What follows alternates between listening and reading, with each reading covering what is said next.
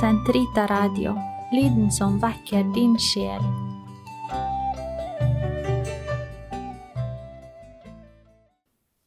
Den katolske kirkes katekisme, uke 23, onsdag, paragraf 1397 til 1405. Eukaristien forplikter overfor de fattige. Dersom vi skal motta Kristi legeme og blod som ble gitt for oss på en sannferdig måte, må vi gjenkjenne Kristus i de fattigste, som er hans brødre. Du har smakt Kristi blod, og du kjenner ikke engang igjen din bror. Du vanærer dette bord når du ikke holder den verdig til å dele din mat som ble holdt verdig til å dele dette bord med deg. Gud satte deg fri fra alle dine synder og ba deg til bords, og, og selv ikke da ble du mer barmhjertig. Eukaristien og kristen enhet. Stilt innenfor dette store mysterium utbryter Sankt Augustin. Å du fromhetens sakrament, å du enhetens tegn, å du kjærlighetens bånd. Desto smerteligere føles de splittelser i kirken som bryter den felles deltakelse i Herrens bord. Desto ivrigere blir bønnene til Herren om at de dager må komme tilbake da alle de som tror på ham, er fullt ut ett. De orientalske kirker som ikke har fullt fellesskap med den katolske kirke, feirer eukaristien med stor kjærlighet.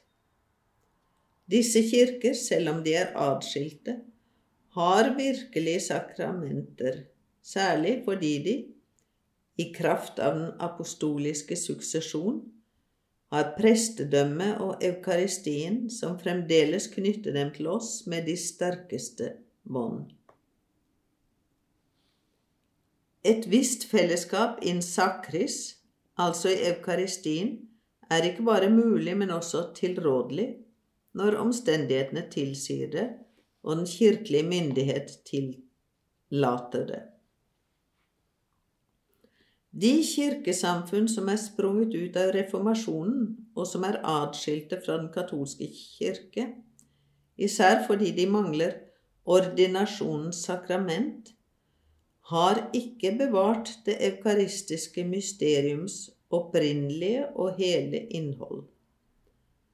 Av den grunn er det ikke mulig for den katolske kirke å ha eukaristisk interkommunion med disse samfunn.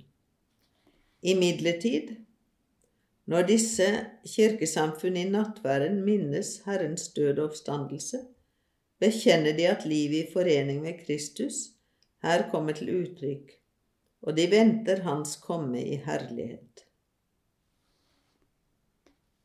I alvorlige nøds, nødstilfeller kan, etter den lokale biskops skjønn, katolske embetsbærere meddele sakramentene eukaristien, boten, sykesalvingen, til andre kristne som ikke har fullt fellesskap med den katolske kirke, men som av seg selv ber om det. De må da gi uttrykk for den katolske tro angående disse sakramenter og ha den rette innstilling. Eukaristien pantet på den kommende herlighet. I en eldgammel bønn priser Kirken eukaristiens mysterium slik. Å hellige måltid hvor Kristus er vår føde, hvor minnet om Hans lidelse gjøres levende, hvor nåde fyller vår sjel, hvor pantet på det kommende liv blir oss gitt. Som eukaristien er minnet om Herrens påske, som vi ved vår altergang blir fylt med all himmelsk velsignelse og nåde. Slik er eukaristien også foregripelse av den himmelske herlighet. Ved den siste nattvær fikk Herren selv disiplene til å vende blikket mot fullbyrdelsen av påsken i Guds rike. Fra nå av skal jeg aldri mer drikke av dette vintreets frukt, før den dag da jeg sammen med dere drikker en ny vin i min fars rike. Matteus 26, 29. Hver gang Kirken feirer Eukaristien, minnes den dette løftet og vender blikket mot ham som kommer. I sin bønn påkaller den hans komme, Maranata.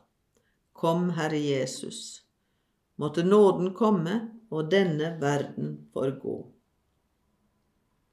Kirken vet at Herren kommer allerede nå i Eukaristien, og at Han er til stede, midt iblant oss. Men det er et skjult nærvær. Det er derfor vi feirer Eukaristien, mens vi lever i det salige håp og venter vår Frelser Jesu Kristi komme, og ber om at vi sammen kan mettes av din herlighet til evig tid. Da skal du tørke hver tåre av våre øyne, og vi skal se deg, vår Gud, som du er, bli deg lik i all evighet og uten opphør prise deg ved Kristus, vår Herre. Vi har intet sikrere pant, intet tydeligere tegn enn Eukaristien på dette store håp om nye himler og en ny jord hvor rettferd bor. For hver gang dette mysteriet feires, skjer vår gjenløsning, og vi bryter samme brød som er udødelighetens legemiddel, motgift mot å dø, for å leve i Jesus Kristus for all tid.